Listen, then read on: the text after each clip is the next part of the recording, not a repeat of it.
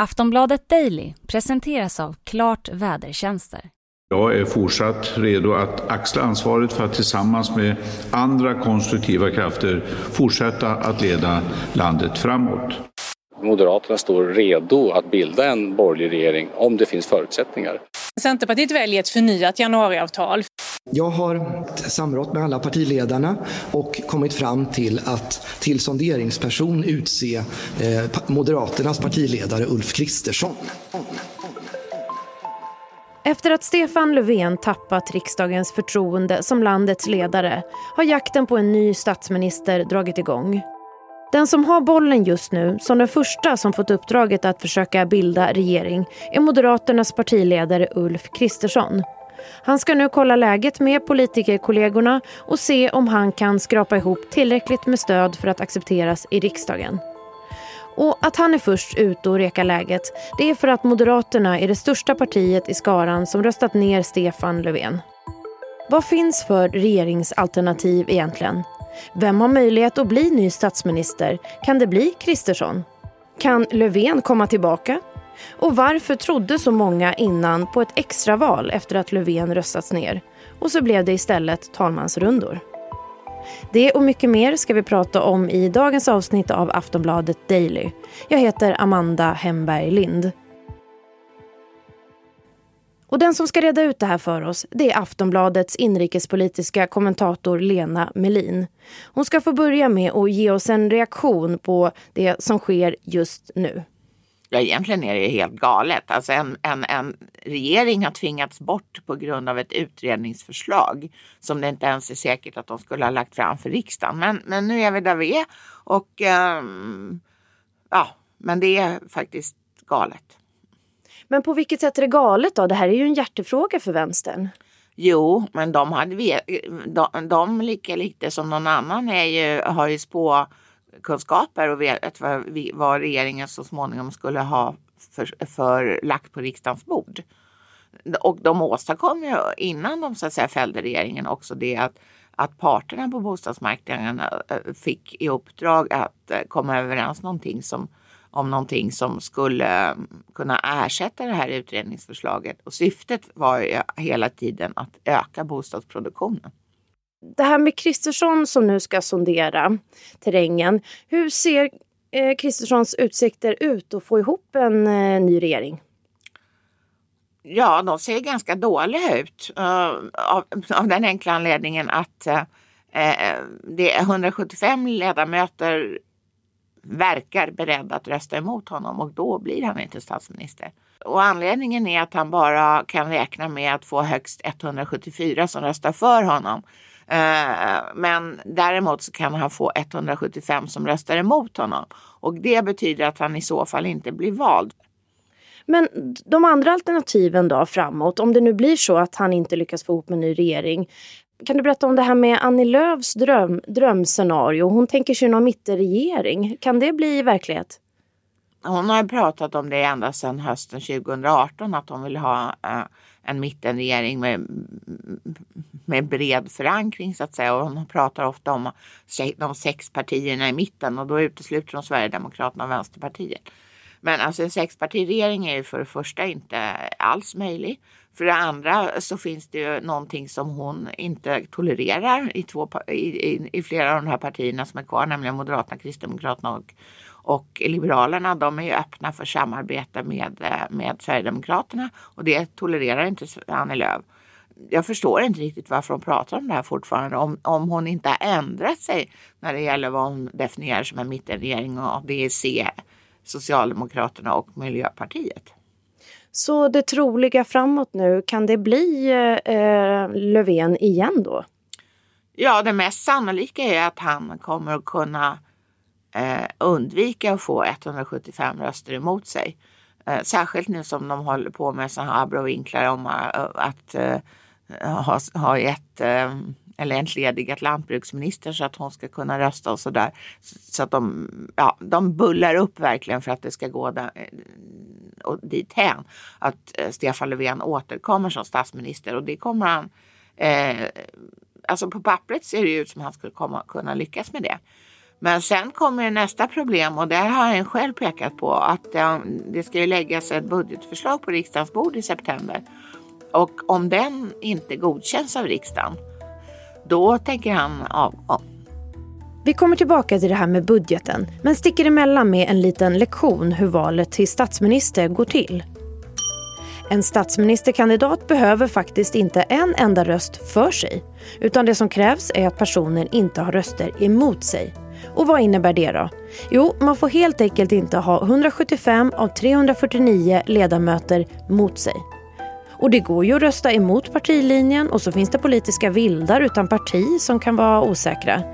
Att det kan bli en strid på kniven här, vad ger Lena för det?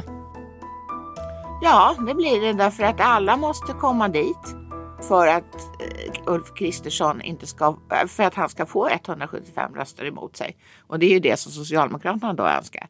Ehm, annars så, om inte alla kommer dit och röstar som de ska, så, så kommer inte detta att ske. Och eh, det hänger egentligen på fyra personer. Det är dels eh, två vildar, en före detta vänsterpartist eh, som inte kommer att rösta för Ulf Kristersson mm, har hon sagt och en före detta liberal som väl verkar hålla på partilinjen uh, och den gamla partilinjen så att hon kommer då rösta för Ulf Kristersson. Eh, sen har vi en, den sjukskrivna ledamoten i, i, eller hade den sjukskrivna ledamoten från Halland som nu då inte hade kunnat infinna sig på grund av att den är sjuk och ersätts nu av den personen som hon har varit ersättare för, nämligen lantbruksminister Jenny Nilsson. Så att hon kommer då rösta emot Löfven. Jag kommer in och stör lite här bara. För det blev lite fel här. Det ska vara att lantbruksminister Jenny Nilsson kommer rösta emot Kristersson. Det var det som Lena menade. Och tillbaks.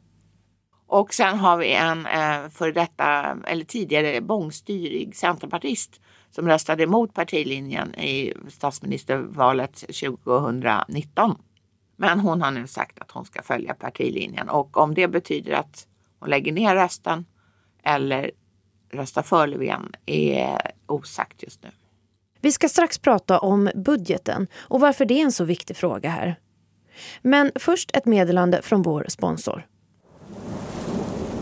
Vad det blir för väder kan påverka hela dagens planer. Och många håller koll i flera olika appar för att vara på den säkra sidan. Men med Klart kan du jämföra prognoser från tre olika vädertjänster på ett och samma ställe, berättar Mikael Sjöstrand, meteorolog på Klart. Vädret i Sverige skiftar ju och väderprognoserna kan vara olika för olika väderinstitut. Så genom att använda jämförelsefunktionen kan du få en lättförståelig sannolikhetsfördelning för vilket väder som det blir hos dig. I Klart-appen kan du också se badväder, pollenprognoser och mycket mer. Du hittar den där appar finns. Då var vi tillbaka. Men hur är det här med budgeten då? Vad pengarna ska gå till det är ju en viktig del för en regering. Stefan Löfven är beredd att bli statsminister igen om han tolereras i riksdagen. Men däremot så avgår han om inte budgeten går igenom i höst har han meddelat. Moderaternas partiledare Ulf Kristersson anser att en regering som inte får igenom sin budget inte borde tillträda alls. Men att Löfven kan bli statsminister men sen inte få igenom sin budget i höst. Hur hänger det här ihop? Vi ska höra Lena Melin igen. Ja, det beror på att det är helt olika politiska processer. Som jag har, äh, vi har pratat om här så, så gäller det att inte få en majoritet emot sig när man väljs till statsminister. Men när det gäller budgeten så är det ju så, det, det förslag av de budgetförslag som finns som ställs emot varandra i, slut, i den slutliga voteringen, då vinner den som får mest, det som får mest röster. Och det beror lite på, eh, då skulle man ju kunna tänka sig att eh, Eh, regeringens eh, förslag får flest röster, men det har hänt två gånger på de senaste åren att så inte har varit fallet. Först 2014 och då sa ju Stefan Löfven att han skulle utlysa eh, extraval. Men det blev, mm, de planerna sattes aldrig i verket eftersom uh, istället snickrades den här decemberöverenskommelsen, den så kallade DÖ, uh, ihop. Och den höll i tio månader. Sen upprepades det här i, i um, december 2018. då röstades också regeringens budgetförslag ner. Men då var det en övergångsregering som satt efter valet fortfarande. Så att det fick liksom inte de, några oöverstigliga konsekvenser på det sättet att regeringen ansåg sig föranledd att avgå.